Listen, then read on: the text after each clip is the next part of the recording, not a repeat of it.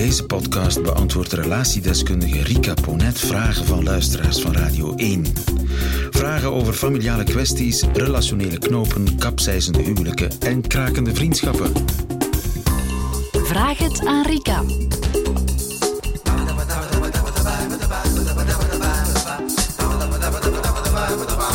Carla is 34 en zij mailt het volgende. Ik ben een alleenstaande vrouw en leerde drie maanden geleden een alleenstaande man kennen. Bij mij was het boem erop.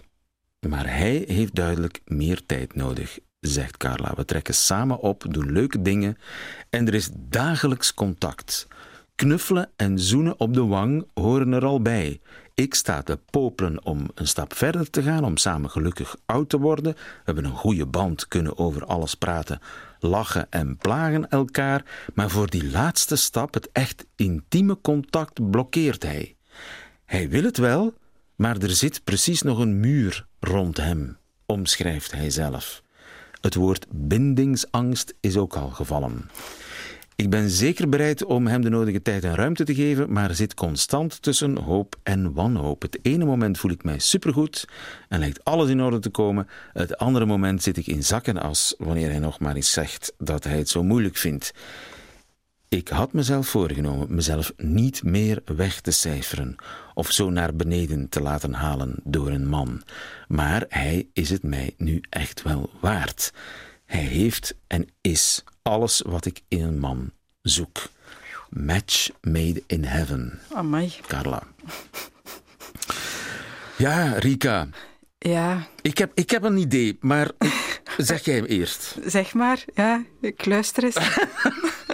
ik durf het bijna niet zeggen, maar als een man heel veel vriendschap koestert voor een vrouw, maar geen seks wil, that, that's a gay thing. Ja. Um, nu, nu krijg ik duizend boze mails, word ik gecanceld. Weet ik veel, maar dat is, wat ik, dat is wat door mijn kop gaat. Ja, klacht bij de ombudsdienst.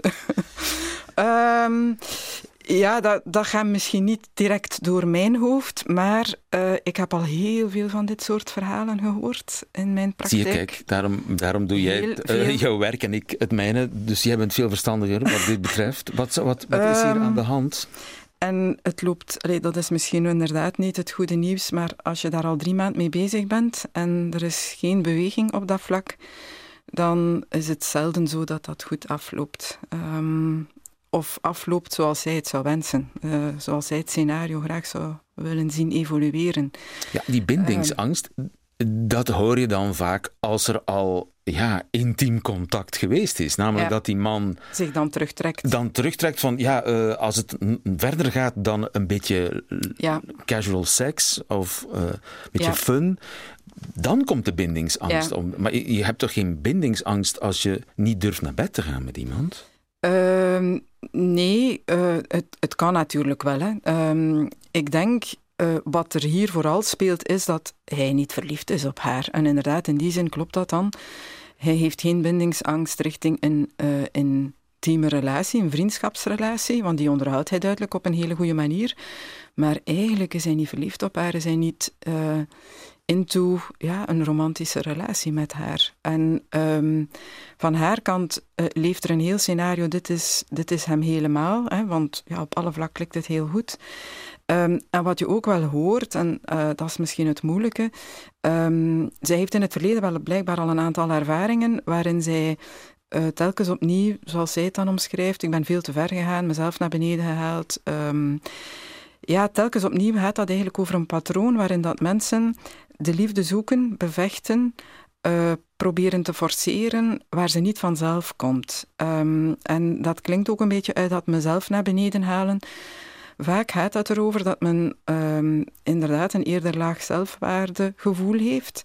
Um, ook vindt dat men niet zomaar liefde verdient, dat men dat eigenlijk, um, of dat men dat niet zomaar mag krijgen, dat men dat eigenlijk moet verdienen, dat men daar zijn best moet voor doen. En ze doet heel erg haar en ze best. doet heel hard haar best. Misschien en, doet ze te veel haar best. Ja, en ook dat wachten. Hè. Uh, ik, ik moet hem tijd geven, ik moet hem ruimte geven. Ze is ook volledig gefocust op hem, waardoor hij al maar aantrekkelijker wordt. Hè. Iets wat je heel graag wil, waar je alles voor doet, heel veel in investeert. Haar focus ligt volledig op zijn behoeftes, hoe hij zich voelt, uh, waar hij vandaag staat. Ze is helemaal niet bezig met, ja, wat wil ik nu? Hè? Ja. op welke manier wil ik graag een relatie? En dat kan misschien angstaanjagend zijn voor die man ook al, ja, het is heel veel, denk ik. Hè. Um, het gevoel van, zij ziet het zo hard zitten, dit is het overheels, hè. Het, uh, het moet hier uh, allemaal ineens ingevuld worden, ja, dat hij duidelijk ook een stukje de boot uh, afhaalt. Ja, maar het gebeurt toch zo vaak hè, dat het gevoel niet helemaal wederzijds is. is. Ja, en dat is een beetje het pijnlijke, hè, dat zij zich daar op de een of andere manier vandaag niet kan of niet wil bij neerleggen. Um, en uh, wat vooral heel belangrijk is, denk ik, dat ze uh, effectief niet zichzelf naar beneden haalt en een stukje uit dat patroon stapt. Ze kan maar weten wat hij werkelijk voor haar voelt. Daar ben ik toch zeker van. Als zij een stap terugneemt, als zij echt met hem een intieme relatie wil en ze wil weten of hij dat ook met haar ziet zitten, uh, dan is het belangrijk om naar hem toe dat ook te communiceren. Kijk, ik wil meer. Ik heb het gevoel dat dat er misschien wel in zit. Jij hebt misschien meer tijd nodig, maar ik geef je ook die tijd, maar ik neem dan nu een stap terug. Hè. Ik blijf niet verder met jou afspreken op de wijze zoals wij dat nu doen. En dan zie je, ja, um, het contact komt nu altijd van haar kant. Zij vult dat volledig in. Dan zal, zal zij ineens weg zijn uit zijn leven. Uh, wie weet wat hij dan mist. Hè. Of uh, zal bij hem effectief het licht gaan branden van dit is een fantastische vrouw. Hè. Uh, als dat dan over bindingsangst gaat. Ik wil die toch niet kwijt zal hij alsnog een stap zetten. Maar ik vrees dat de kans groot is dat dat niet gebeurt. Ja. U zelf een vraag voor Rika Ponet? Stuur ze dan naar nieuwefeiten.radio1.be. En wie weet hoort u het antwoord in een volgende podcast. Namen worden sowieso veranderd.